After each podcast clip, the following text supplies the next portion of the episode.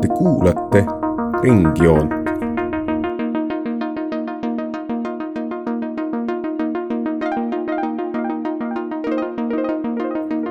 joon ringis. tere kuulama saadet Maailm taskus. sel korral on meil luubi all Iisrael, kus kahekümne kolmandal märtsil peetakse neljandad valimised kahe aasta jooksul. Kahel esimesel korral ei saanud peaminister Benjamin Netanyahu üldse valitsust kokku kolmandal korral, eelmise aasta kevadel, sundis lõpuks üle riigi leviv koroonaviirus Netanyahut ja sinivalge juhti Benny Gantzi koalitsiooni moodustama aga sellele valitsusele löödi matusekella juba enne allkirjade andmist. nüüd siis on järjekorras tulemas neljandad. tänane saade on eriline, sest teeme seda koos Tartu Ülikooli rahvusvaheliste suhete ringi podcasti Ringjoon tegijatega. ringjoonest on kohal Helena Eglit. tere! Jan-Lukas Videvik. Shalom! Priit Gregor Rahuoja Skype'is. tere teile ka! ja Rauno Matvejev. tere! mina olen Postimehe taskuhäälingute toimetaja ja välistoimetaja Merili Arjakas no tegelikult väga hea sissejuhatus juba oli ära tehtud, et ma arvan, et äkki meie poolt siis äh, ringjoone poolt võib-olla eraldi mingit sissejuhatust äh, tarvis ei olegi, sellist traditsioonilist ringjoone sissejuhatust. Et äh, ma arvan, me võiks pigem teema juurde liikuda, et nagu ka juba on mainitud, Iisrael on teemas, aga enne, kui me hakkame Iisraeli valimistest rääkima, siis oleks ka mõistlik kõigepealt arutada seda üldse, et kuidas me nende valimisteni jõudsime. viimased valimised Iisraelis olid, olid septembris vist või? ei, märtsis aasta aega tagasi, ühesõnaga jah. ja tekkis Netanyahu ja Gantzi liit, äh, mis äh, noh, eeldati juba ette ära, et see tuleb keeruline ja laiali ta kukkuski. peakski siis alustama sellest, et kuidas see üldse laiali kukkus ja miks me, miks me oleme jõudnud taaskord juba neljandate valimisteni kahe aasta jooksul? enne veel, kui me lähme selle liidu kokkukukkumise juurde, ma tahan öelda, et me ei kavatse rääkida, mina vähemalt ei kavatse rääkida pelgalt Iisraelist. Iisraelis toimub palju põnevat, aga seejuures me ei saa eirata seda, mida nad teevad läänekaldal ja mina tahan rääkida ka Palestiinast. no ta on osa sellest küsimus. suur osa vaidleks vastu sellele sa-, osa saatest siis, täpsustamiseks. väga hea, suurepärane. ei, see on tore, et Kreks kohe ära sedastas, et, et mis tema plaanid tänases saates on. aga kui minna nüüd selle Rauno küsimuse juurde, et, et miks see koalitsioon siis kokku kukkus, siis äh, no selles koalitsioonilepingus oli juba probleem, et äh, kui kaks kõva kivi, Benny Gantz ja Benjamin Netanyahu proovisid äh, siis koos valitseda, koos sellel peaministri toolil istuda, tähendab seda, et kõigepealt on Netanyahu peaminister ja siis nüüd novembris pidi selle tooli üle võtma Kants, siis seal juba tekkis probleem, et ilmselt Netanyahu lihtsalt ei tahtnud seda tooli edasi anda.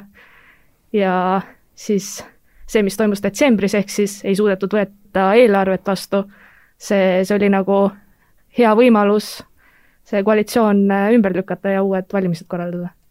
Aga jah, koalitsiooni, eks ole, kaks, kaks suuremat meest, Kants ja Netanyahu, aga mille, mille pärast siis, ütleme, kumma, kumma süüks me võiks panna selle koalitsiooni lagunemise? et äh, kui ma ise, eks ole, mõtlen, vaatan, et igal juhul tundub, et Netanyahul on see natuke kasulikum et ta ei pea enda peaministritooli loovutama, ta saab uued valimised korraldada. aga samas, äh, kas äh, võiks ka seda kantsi süüks võib-olla panna? kantsi süüks võiks seda panna niimoodi, et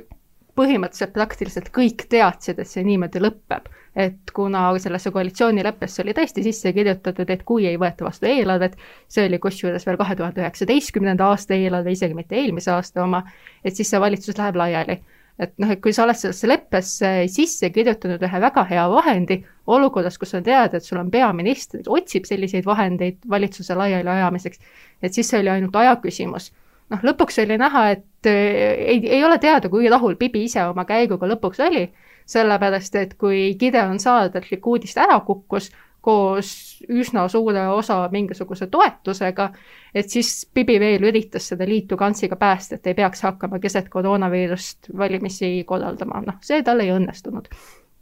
Kantsi süüks saab põhiliselt ajada tema naiivsust või rumalust või siis lihtsalt seda, et ta proovis Benjamin Netanyahut üle mängida, aga see tal ei õnnestunud. ja nagu näha, et siis lõppkokkuvõttes oli tegemist tema poliitilise enesetapuga, sellepärast et praegu on ta olukorras, kus tema juhitud sinivalgele ennustatakse noh, heal juhul valimiskünnise ületamist, võib-olla isegi mitte seda, ja väga paljud kindralid on tulnud välja ja öelnud, et kallis Benny Gantz, et nagu palun astu sellest võistlusest eemale, et me ei peaks seda tsentrit hakkama niimoodi lõhestama omade inimeste vahel. ma vaatan, et Gregsil on pliiats juba pikalt püsti, ta tahab sõna.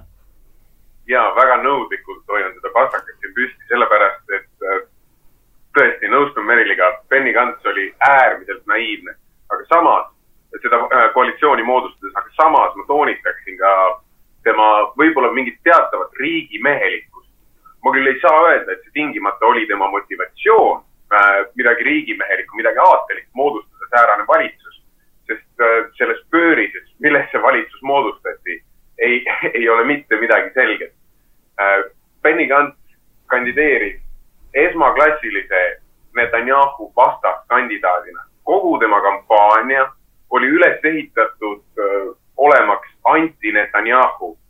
aga siis ühel hetkel läbi tumedate tormipilvede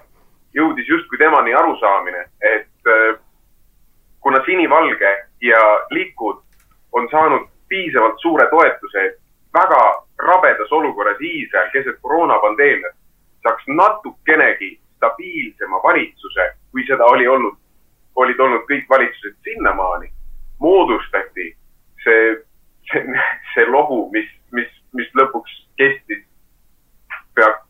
üle poole aasta kindlasti, kaheksa kuud vast. et äh,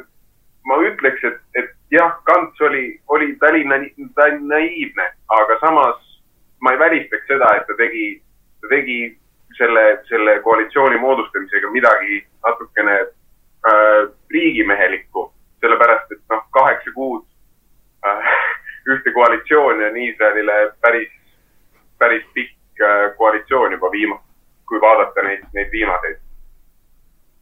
ma lihtsalt nagu lisan sellele juurde, et jah, väga nõus sellega, mida Fred Gregor rääkis ja et kui mõelda eelmise aasta kevade peale, et siis kui praegu me räägime, et Iisrael, oh, vaktsineerimine on seal läinud nii hästi, aga tegelikult sai nagu, on Iisrael koroonaviiruse lainetest alati väga tugevalt pihta saanud ja eelmise aasta kevadel nad tõesti olid väga keerulises olukorras, kus kogu ühiskond nõudis, et tuleks lõpuks mingisugune valitsus kokku, mis oleks võimeline otsuseid vastu võtma. iseasi, kas neid otsuseid võeti hästi vastu, me teame siin neid lugusid, kus mingisuguseid olulisi otsuseid on tehtud niimoodi, et kaitseministrit üle pea või siis välisministrit ignoreeritakse, aga et tegelikult tõesti, et näed, kaheksa minu-, kaheksa kuud valitsust on viimase kahe aasta kohta juba nagu isegi hästi läinud. aga vähemalt oli keegi, keegi neid otsuseid vastu võtnud ma selles mõttes selle riigimehelikkusega siinkohal nii väga ei nõustuks, et see valitsus algusest peale oli sellise stabiilse vundamendita, et minu arust need mõlemad mehed väga tugevalt tahtsid lihtsalt seda võimutüüri, sest et kui me vaatame ka Kantsi retoorikat, Kantsi poliitikat äh, selle valitsuse jooksul, siis äh, ta hakkas kohe ka Benjamin Netanyahu seda jalgealust kuidagi õõnestama, et ta tõi välja mingid äh, varemad korruptsiooniskandaalid, mis on, Netanyahu ütles, et ei ole sellega seotud ja kuna ta oli ka, tema käes oli justiitsministri portfell, siis, siis ta sai seda jalgealust õõnestada. ja ma arvan, et Netanyahu lihtsalt detsembris sai aru, et kui ta läheb kantsiga edasi, siis äh, veebruaris-märtsis, kui, kui jälle see korruptsiooniskandaal nii-öelda kohtusse läheb, siis äh, tal ei ole nii suurt lootust sealt võitjana välja tulla, et ta tahtis ka uusi valimisi, kus, kus oleksid tal paremad, nii-öelda paremad siis koalitsioonipartnerid ja selle kaudu oleks tal ka korruptsiooniskandaalis äh, lihtsamalt äh, võitu saavutada. valimised ongi juba kahe nädala pärast, et äh, no viimane kord, kui valimised olid, siis Likudile pakkus väga kõva konkurentsi sinivalge, mis lõpuks saigi võrdväärselt kohti, protsentuaalselt peaaegu sama, sama, sama palju hääli aga nüüd, kui me, eks ole, vaatame seda arvamusküsitlusi, et Likud on kõigist teistest ees ning paistab, et mingit äh, tõsiseltvõetavat võib-olla opositsiooni ei pruugi olla, et kuidas on sellega, et kuidas te hindaksite praegust Likudi positsiooni, äh, kas või võrreldes eelmiste valimistega? mina ütleks, et selles mõttes on nad nõrgemad, et kui varasematel kordadel oli neil tõesti tõsine konkurents sinivalge näol, siis praegu on neil konkurents nii Tsentsest, Yeshatid kui ka paremalt poolt, ehk siis Gideon Saari Uus Lootus ja, ja Naftali Benneti Yamina omaette probleemiks on loomulikult see, et see tähendab, et see skaala, kes on välja tulnud Netanyahu vastaste ehk siis noh, ütleme Meeretsist ja Miinani, Eesti mõttes on see põhimõtteliselt EKRE-st kuni nagu noh, sotsidest veel vasakpoolsemate inimesteni. lootuses, et see opositsioon nagu pärast valimisi suudab hakata omavahel koostööd tegema, isegi kui numbrid annaksid neile nagu mingisuguse enamuse, ehk siis kuuskümmend üks kohta parlamendis, et see on noh, üsna labe lootus ja tuleme tagasi selle juurde, et neil ei pruugi isegi neid kohti olla, sellepärast et meil on, meil on see laiemalt see struktuurne probleem. Ehk siis Iisraeli Knessetis on sada kakskümmend kohta, millest ütleme, selline kaksteist, neliteist läheb Araabia parteidele ja kõik sionistlikud erakonnad on öelnud, et nad ei ole nõus araablastega ko koalitsiooni moodustama ning teiselt poolt meil on praegu tekkinud need ultraortodoksi parteid, keda ka, ütleme, suur osa nendest sekulaarsetest või traditsionaalsetest parteidest ei taha koalitsiooni võtta. mis siis tähendabki seda, et viimased kaks aastat on selle koalitsiooni moodustamisega nii keeruline olnud, sellepärast et neid punaseid jooni, et keda ei taheta võtta, keda ei soovita võtta, on lihtsalt nii palju. Greks? ja äh, alustan kaugemalt selles suhtes, et Iisraeli koalitsioon, Iisraeli valitsus on, on tahes-tahtmata koalitsioon, seal ei saa vähemalt äh, nende tulemuste järgi pole, ei ennustata ühelegi parteile piisavalt toetust, et ta saaks äh, tõesti ainuüksi äh,, kas seal ütleme siis näiteks nelikümmend kohtagi, et ta saaks mõne ühe teise parteiga moodustada valitsuse. ei, seal on vaja rohkem kui kahte parteid, aga äh, täiesti, täiesti äh, mitte nõus olen ma Meriliga selles osas, et äh, Likudi positsioon on halvenenud. ei ole, Likud on läbinud viimased äh, valimised väga edukalt, kõik. Nad on saanud ligi kolmkümmend kohta, see on neljandik äh, Knessetist kõikidel kordadel äh,. olgugi, et see on väga lühikese ajaperioodi jooksul ja võib-olla rahva meelsus ei muutu nii palju, aga siiski äh, kolm, ligi kolmkümmend kohta ja ma usun, et äh, tänu sellele, et nad on, nad on nüüd minemas vastu oma neljandatele valimistele, Netanyahu on endiselt president en, äh, või vabandust, peaminister, endiselt kangutamata isegi äh, oma korruptsioonisüüdistuste tõttu, mis muideks jälle äh, jõuavad kohtusse täpselt sel ajal, kui toimuvad valimised. mulle meenub äh, möödunud aasta saade, kus me rääkisime enam-vähem sama asja, et, et valimised on seatud kuidagi täpselt selleks ajaks, kui, kui, kui Netanyahu peaks kohtu alla jälle minema. aga siiski ma leian, et Netanyahu, vähemalt Netanyahu positsioon on aina tugevnenud ja läbi tema ka, ka Likudi oma, olgugi et äh, Likudist on äh, alates viimastest valimistest välja astunud siis äh, need, need tegijad, kellest äh, Gideon Saar pani kokku uue, uue lootuse partei. no kuigi sa nii julgelt väidad, et äh, Likudi positsioon on äh, ikkagi väga tugev ja paranenud, siis jah, selles mõttes ta ka nendel neljandate valimiste järg, järgselt ilmselt saab valimisvõidu, aga tema positsioon on ikkagi väga tugevalt nõrgenenud, sest et parempoolsed on omavahel Äh, või noh, parempoolsete hulgas, kes on siis tavaliselt äh, Netanyahut hääletanud, seal on tekkinud uued jõud, sealhulgas ka Gideon Saar, ja ega Likud niisama ei vaata või Netanyahu ei vaata araablaste poole või ei proovi sealt endale kuidagi hääli saada, et tegelikult Likudi positsioon on halvenenud, kuigi, kuigi tal on väga head võiduvõimalused, ta lihtsalt äh, saab vähem hääli ja tal on väga raske seda koalitsiooni moodustada Äh, väga hea, et sa need araablased sisse tõid. Äh, olen ka ise natuke tutvunud, et äh, on, on jäänud nagu meedias niisugune mulje, et et Netanyahu üritab võib-olla araablastega umbes sama asja teha, mis sinivalgega, et neid võib-olla kuidagi kaasata ja siis lõpuks lõhestada. et kuida-, kuidas, kuidas nagu sellesse suhtuda, kas araablased ise oleksid valmis Netanyahuga koostööd tegema? ja noh, muidugi Netanyahu ise ka ju ei saa üksi valitsust teha, peale araablaste on tal veel kedagi teist vaja, tal on ka mingisugust koalitsiooniliiget vaja. kas tema koalitsiooniliikmed oleksid ka valmis araablasi kaasama, see tundub nii keeruline selles mõttes, et äh, araablaste enda hulgas on ka äh, kahetine arusaam, et kas peaks seda koostööd tegema või mitte, sellepärast et osad ütlevad seda, et okei okay,, et see Knesset on ainuke võimalus, kuidas äh, ka meie saaksime enda häält Iisraelis nagu siis äh, kõvemaks teha, teisalt ütlevad araablased või noh, siis osa araablasi, et et kui me lähme Iisraeli parlamenti, siis me kuidagi reedame Palestiina riigi, nii et seal on ka need erinevad arusaamad, aga kindlasti mingi koostöö sealt välja kujuneb jah, Helen ütles ära need põhilised punktid, mis ka minul olid, ehk siis meie, kui me räägime araablastest, siis tegemist ei ole ühtse monoliidiga. et see, mis varasematel kordadel on olnud joint list ehk siis ühes nimekiri ja kust praegu on siis konservatiivne raam eraldunud,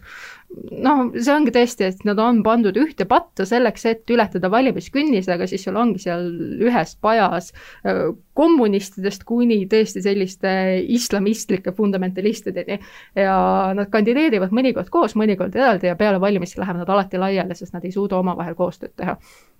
Kas see kõige konservatiivsem osa raam oleks valmis Likuudiga koostööd tegema, ei oska öelda Iisraeli poliitikas ütleme niimoodi, et paljud asjad tunduvad võimatud, kuni nad ühtäkki muutuvad väga võimalikuks samamoodi ka teiselt poolt, et jah, ütleme, kui tuleks, et mingisugune koalitsioon, kus oleks Likud ja ultraortodoksed parteid, religioossed sionistid, kui nad ületavad valimiskünnise ja konservatiivsed araablased, kui nad ületavad valimiskünnise, see tundub hetkel uskumatu, aga kui me mõtleme sellele, et noh, et meil on olnud neli, noh, et nüüd on tulemas neljandad valimised, sellepärast et mingisuguses muus vormis koalitsiooni ei ole suudetud kokku panna, äh, siis see võib olla võimalik aga, aga väga keeruline. teiselt poolt tõenäoliselt üritab Bibi ikkagi pärast valimisi üle meelitada mingisuguseid inimesi paremtiivalt, näiteks Naftali Bennetti, kes on olnud natukene ambivalentne selle osas, et kas ta hakkab Netanyahuga koostööd tegema või mitte, selle asja probleemiks on loomulikult see, et kõik vaatavad, et mis juhtus Benny Gantsiga siis, kui ta oligi kaks kampaaniat järjest anti-Netanyahu ja siis lõpuks Netanyahuga ikkagi leivad ühte kappi pani. selles mõttes olukord on väga huvitav, väga palju hakkab tegelikult sõltuma sellest konkreetsest matemaatikast, ehk siis kui palju, noh, mis erakonnad saavad kui palju hääli et kas seal ütleme, uus lootus saab nagu mingisugune kaksteist häält ja Miina saab kümme või, või tuleb see vastupidi, et see hierarhia saab olema põnev. ja selles osas on minule nagu natukene kummaline olnud see, et kui ma kaugelt siit Eestist vaatan, mulle tundub, et nagu, et parteid ei teegi mingisugust suuremat valimiskampaaniat. et kõik on nagu kuidagi mõelnud, et hea küll, et teeme need valimised ära, aga niikuinii ei juhtu mitte midagi, et tuleb täpselt samasugune soga, nagu viimased kolm korda on olnud. ja et kui seda vaidlemist on, et siis on seda olnud just nagu mingisugune erakondade leeride sees, ehk siis Tööpartei kakleb sinivalgega ja Paremtiiva erakonnad kaklevad omavahel, et kes ikkagi kui palju Bibit on nagu ajalooliselt toetanud või mitte. aga tundub, et nagu on selline noh, et, et leerid on välja kujunenud ja keegi isegi ei usu, et oleks võimalik nagu mingisuguseid valijaid hakata üle meelitama seda ongi nagu raske on äh, kuidagi mõtestada lahti seda Iisraeli äh, viimast äh, kahte aastat, seda poliitmaastikku, et kas seal on nüüd valitsetud noh, ongi, et kas seal on riiki juhitud või, või on tehtud seal valimiskampaaniad, et kõik on nagu väga segamini. ja noh, Netanyahu äh,, minu arust tema retoorika on äh, niivõrd naljakas, et kui ta mõned aastad tagasi ütles, et, äh, et vasakpoolsed, nii-öelda vasakpoolne süvariik siis äh, toob araablasi bussidega valimiskastide juurde, et tuleksid hääletama, siis nüüd ta nagu pööras selle pilgu araablaste poole sest et jah, jällegi ta tunneb, et ta ei saa sellist saaki korjata parempoolsete hulgast, nagu ta on siiamaani saanud teha. Kreksil on pliiats püsti. jaa äh,, kindlasti, kes on kampaaniat teinud, on äh, Netanyahu ise. võib-olla mm. on asi selles, et äh, ma olen teda Facebookis jälgima hakanud, sellepärast et ta on väga koloriitne kuju ja ta postitab väga äh, sihukest noh, natukene Trumpilikku materjali isegi, teda on põnev jälgida mitte et äh, ma tema vaadetega nõustuks. aga ta, ta teeb kampaaniat, äh, ta rõhutab oma senist äh, edu näiteks kahe tuhandete alguses rahandusministrina just sellepärast, et nüüd hakata tegelema nii-öelda koroonajärgse Iisraeli majanduse taaselustamisega. ta rõhutab Iisraeli riigi edu vaktsineerimisel selleks, et, et kindlustada enda jalgealustega, katta seda seda, seda mäsu, mis toimus möödunud aasta alguses, kui Iisraeli nakatumised äh, põhimõtteliselt olid, olidki kõige kõrgemad maailmas. ta, Netanyahu teeb kampaaniat, kui, kui mitte teised, siis vähemalt mm -hmm. tema ja äh, minu meelest on, on see äh, nii-öelda poliitmaastik kujunenud äh, väga, äh, kahe nagu polaarseks, Netanyahu ja tema vastased, et nii nagu te ennist ütlesite, et äh,, et see vastuseis ei ole võib-olla mitte nii enam äh, justkui nagu mingite poliitiliste vaadete vahel, aga Netanyahu vastu ja Netanyahu poolt. et äh, on toimunud selline tugev, tugev polariseerumine minu meelest. Ma lihtsalt hästi kiirelt lisan juurde seda, et üks Netanyahu kampaania kindlasti on ka tema välispoliitilised saavutused, ehk siis rahulepped Araabia riikidega. me teame, et just täna ta, eile tahtis ta minna Abu Dhabisse ja Araabia Ühendemiraatidesse, noh lõpuks see reis jäi ära. seal on natukene lahtine see, et kas jäi ära sellepärast, et Abu Dhabi teda üldse ei tahtnud vastu võtta, vaid Jordaania sulges oma õhuruumi või sellepärast, et Sara Netanyahul oli pimesoolo-operatsioon. Aga noh, on selgelt näha, et Netanyahu üritab välja mängida, et seda, et mina olen suutnud sõlmida rahuleppeid, suhete normaliseerimist Araabia riikidega, sõltumata sellest, et me ei ole tegelikult Palestiina küsimusega üldse tegelenud. noh, nüüd tuleme tagasi sellesse, mis sa algul ütlesid, et me peame rääkima ka läänekaldast, et selles mõttes ongi hästi huvitav vaadata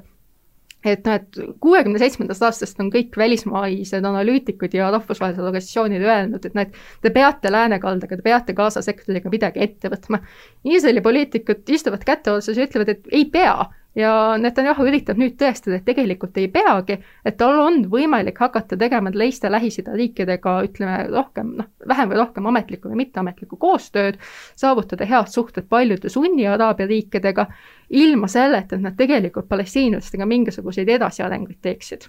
Ma liigun kohe selle narratiivi küsimuse juurde, aga ma tahaksin selle Araabias, araablaste küsimuse enne lõpetada sellega, et kui Netanyahu üritab, eks ole, araablastele läheneda, et kas ta enda paremat tiiba niimoodi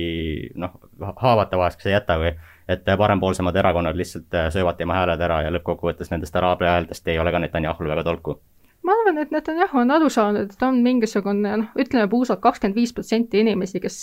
noh, Likudi poolt hääletavad. et see Likudi toetus ongi aastate jooksul, vähemasti ütleme Netanyahu ajal olnud suhteliselt stabiilne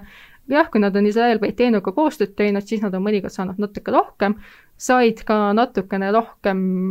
ühel nendest eelmistest valimistest. minu meelest kõikidel said natukene rohkem kui eelnevalt, aga et no selles mõttes, et ta saab aru, et hoolimata sellest, et tal on korruptsioonijuhtumid, hoolimata sellest, et pool poliitilist maastikku on anti-Netanyahu, on mingisugune osa inimesi, kes noh, igal juhul tema, tema poolt on ja et tundub, et noh, et see, tal on tekkinud mingisugune arvamus, et sõltumata sellest, et kui sõbralikke žeste ta nüüd hakkab tegema Iisraeli araablastele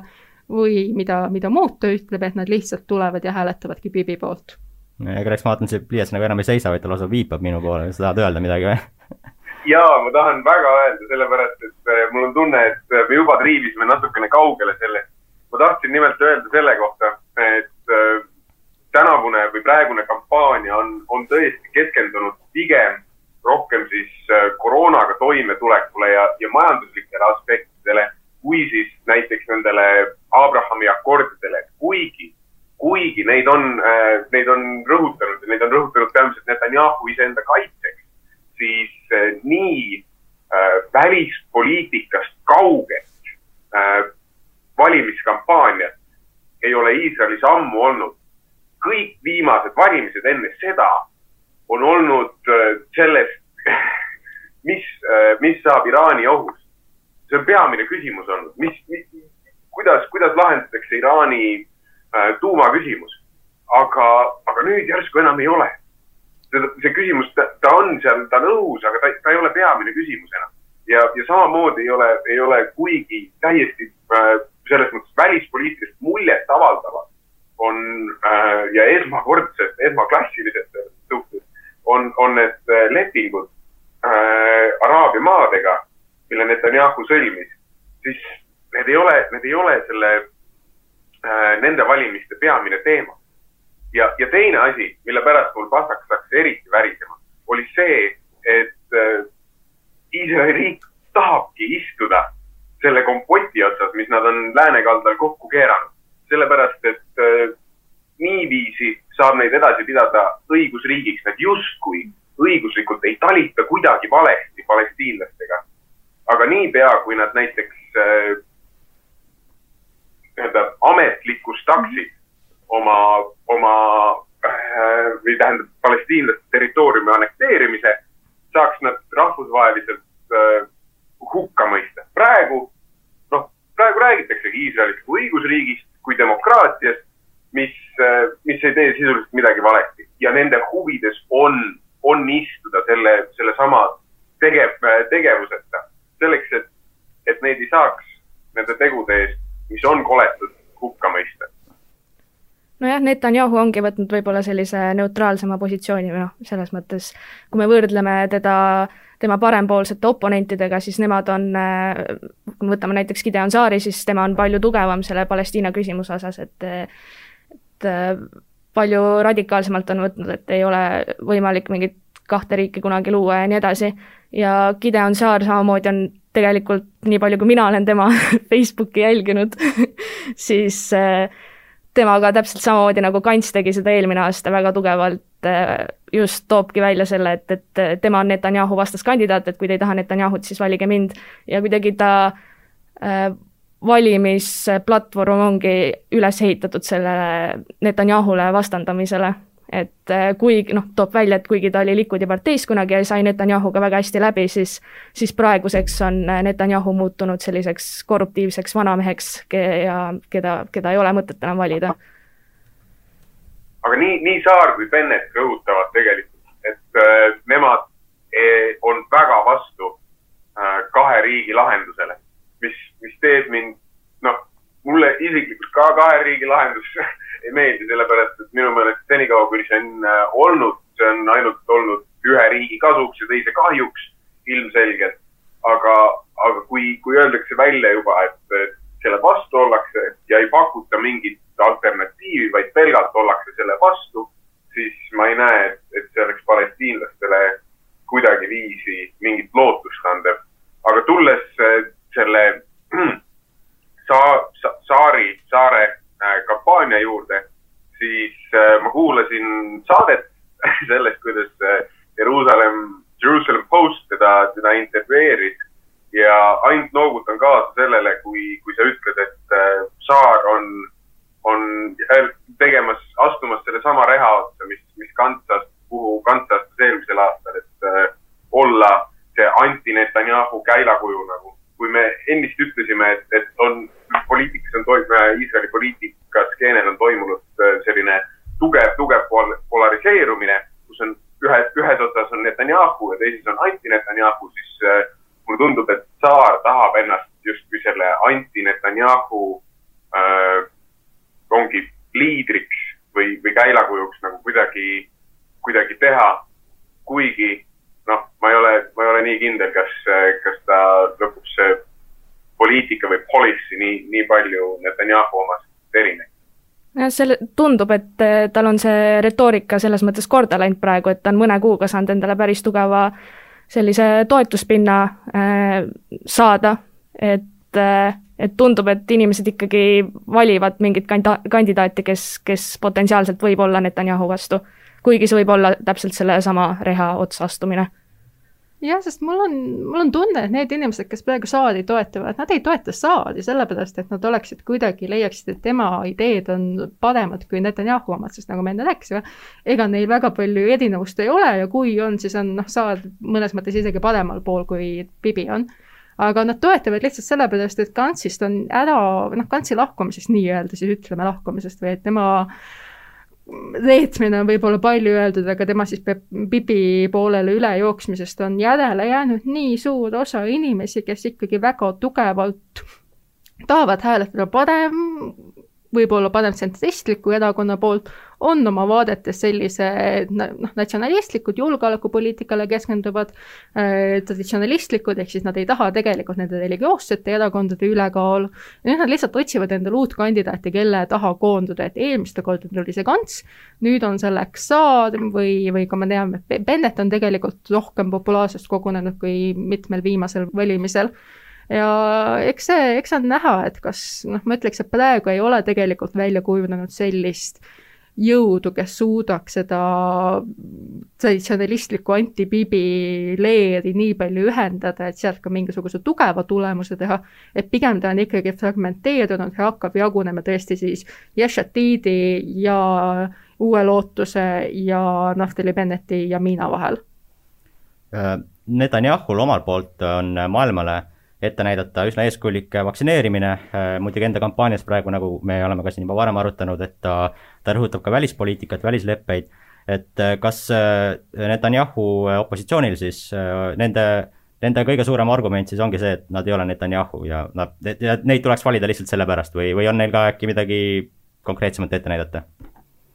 no Saarel ma tean, et ta, ta on toonud sellised, kuigi ta on noh, väga parempoolne äh, Äh, partei, siis ta, siis nad on sisse toonud sellised natuke vasakpoolsemad ideed, et, et hariduses äh, teevad nagu, teevad hariduse inimestele kättesaadavaks ja nii edasi. aga üleüldiselt ja ma nagu selles mõttes nõustun, et seal midagi väga palju ei muutu, et Saar on veel välja toonud, et et noh, kuna Netanyahu ei ole suutnud Bideniga eriti mingit sellist vestlust arendada või, või ka tulevikus ei tea, kuidas nendel poliitika nagu hakkab arenema, siis, siis Saar tõi välja, et tema kindlasti loob Bideniga väga head suhted, mis on ka jällegi küsimärk, sellepärast et kuidagi tundub, et äh, Bideni arusaam sellest, mis peaks toimuma Iisraeli-Palestiina vahel, on äh, veel rohkem erineb sellest, äh, kuidas Saar seda näeb, kui, kui, kui see, kuidas Netanyahu seda näeb. Saari plussiks on lihtsalt öelda, et Bibil on varasemast olnud Obama ja Bideniga nagu suhteliselt jahedad suhted ja Bibi markeeris ennast väga suure Donald Trumpi sõbrana, ehk siis tema on võimeline tulema mingisuguse inimesena, kellel ei ole seda pagasit, mis Bibil on nendes suhetes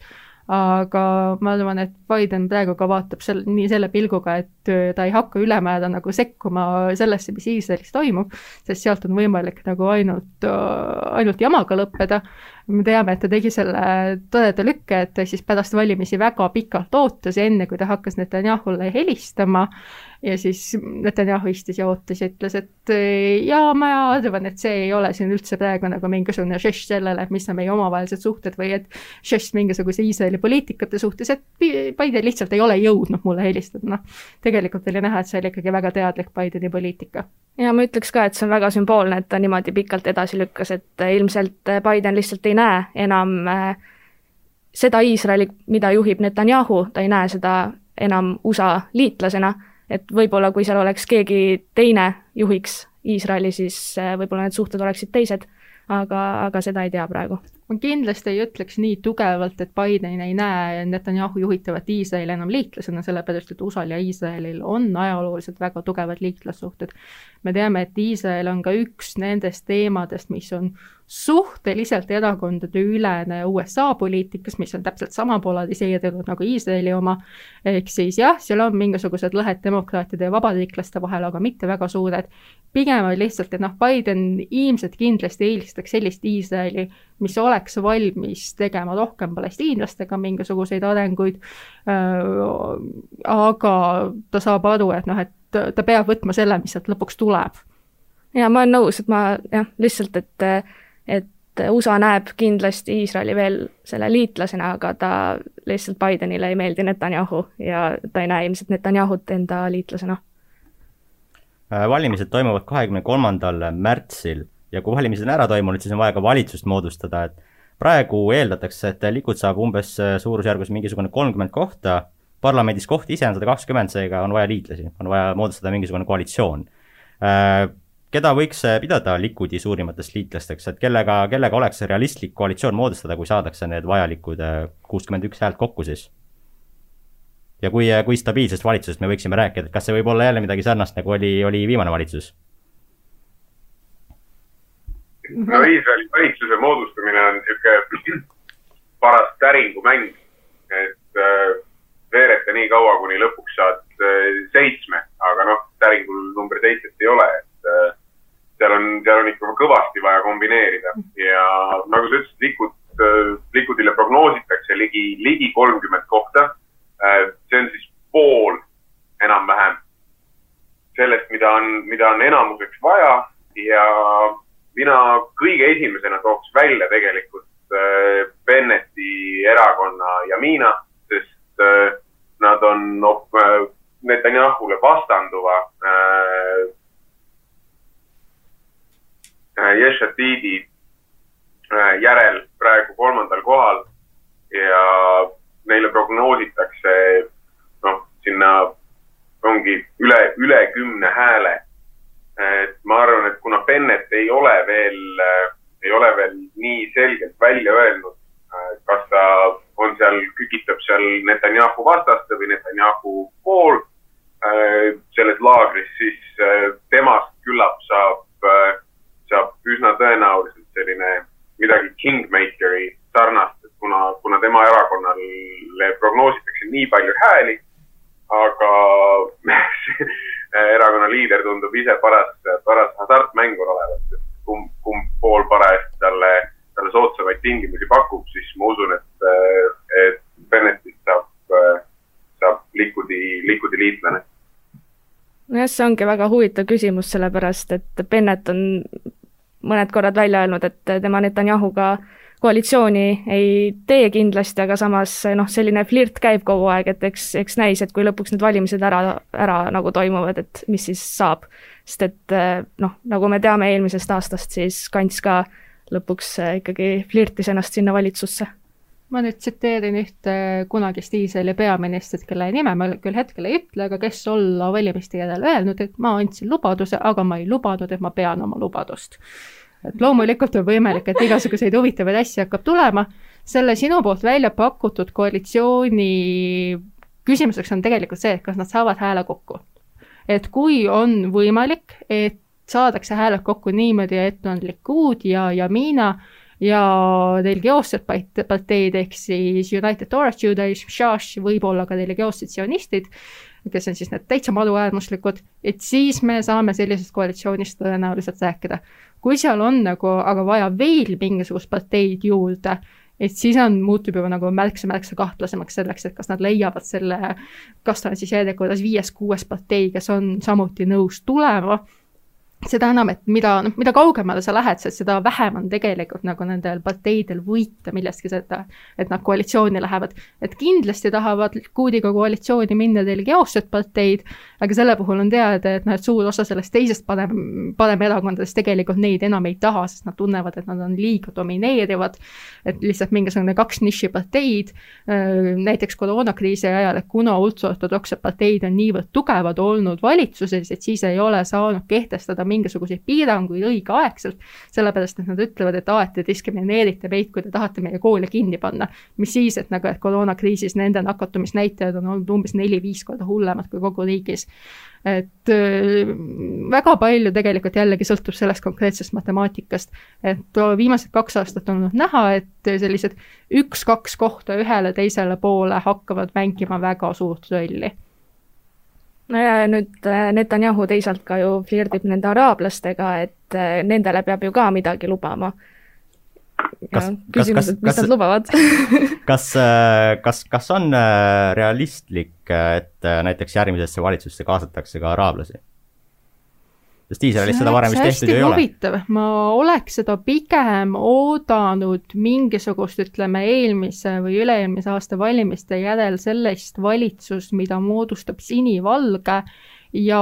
vasakpoolsed erakonnad, Iisrael Beitenu, kuhu ei kaasata araablasi, aga mida nad siis hakkavad lihtsalt, ütleme, parlamendis toetama, et vähemusvalitsus, aga et araablased oma häältega toetavad mingisugustes olulistes küsimustes see, kui tõesti araablaste raam peaks minema Likuudiga kokku ja võib-olla ka ultraortodoksidega, saab olema väga huvitav areng, kui see ka tegelikult juhtub ja märksa ootamatum. et aga samas me teame, noh, et nee, ainuke kord, kus araablased on tegelikult niimoodi vähemusvalitsust üleval hoidnud, oli Yitzhak Rabini valitsuse ajal, siis kui Rabin hakkas, tegi ostuleppeid araablastega ja, ja noh, me kõik teame, et see lõppes sellega, et äh, Rabinile korraldati atendaat ja kuus aastat hiljem oli teine intifada käes. et selles mõttes, et äh, ma ei ole kindel, kas nagu praegused erakonnad julgevad seda sammu teha, aga kindlasti on selles mõttes juba nagu ületatud mingisugune mõtteline lävi, et äh, kui eelmiste valimiste, ühtede eelmiste valimiste järel araablaste joint list toetas Benny Gantsi peaministriks et see oli ka asi, mida praktiliselt varasemalt ei olnud juhtunud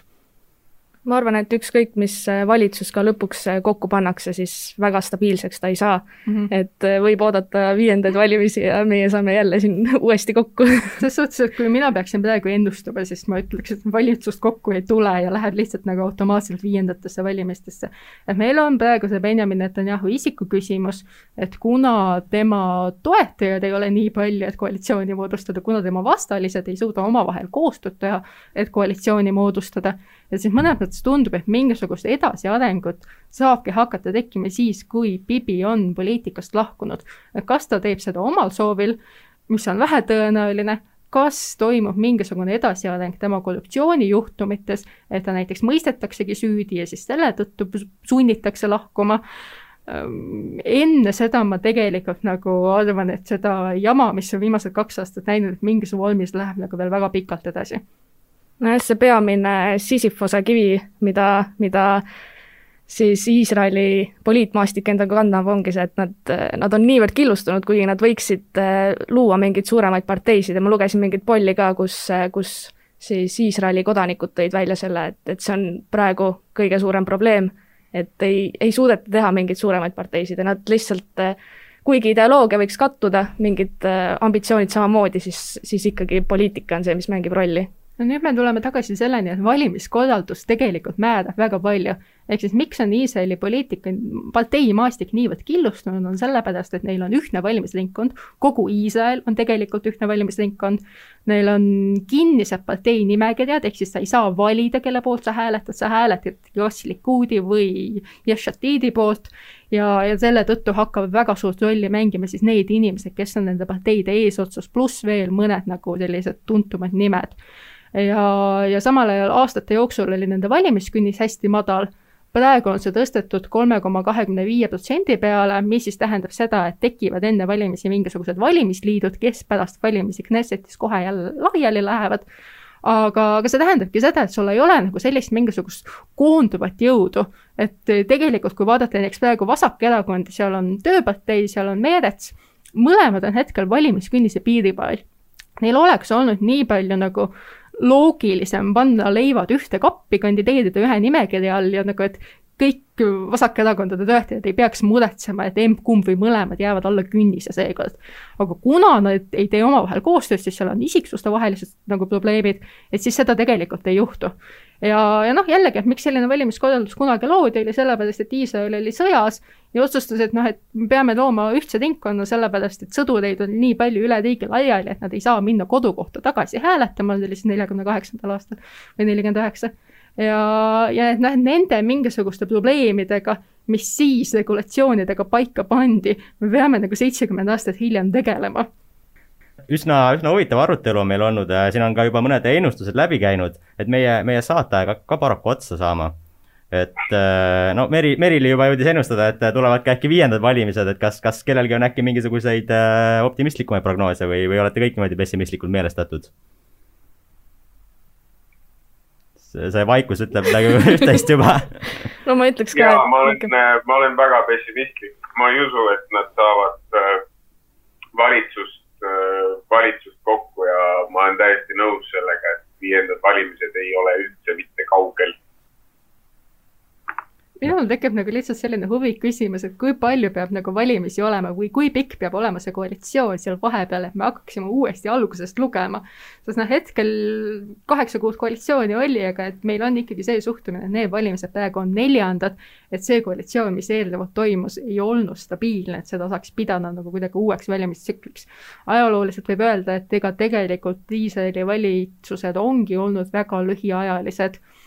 see, et äh, kaks tuhat viisteist moodustatud valitsus Netanyahu suutis nagu praktiliselt lõpuni koos hoida, ta läks küll laiali, tehti erakorralised valimised, aga kordalised oleksid toimunud võib-olla paar kuud hiljem, et see oli ikkagi nagu saavutus. seda tegelikult väga palju ei juhtu, et jällegi, kuna see parteisüsteem on väga fragmenteerunud, siis selle tõttu on igal parteil, võib tekkida selline mõte, et valimised oleksid nagu, annaksid mulle parema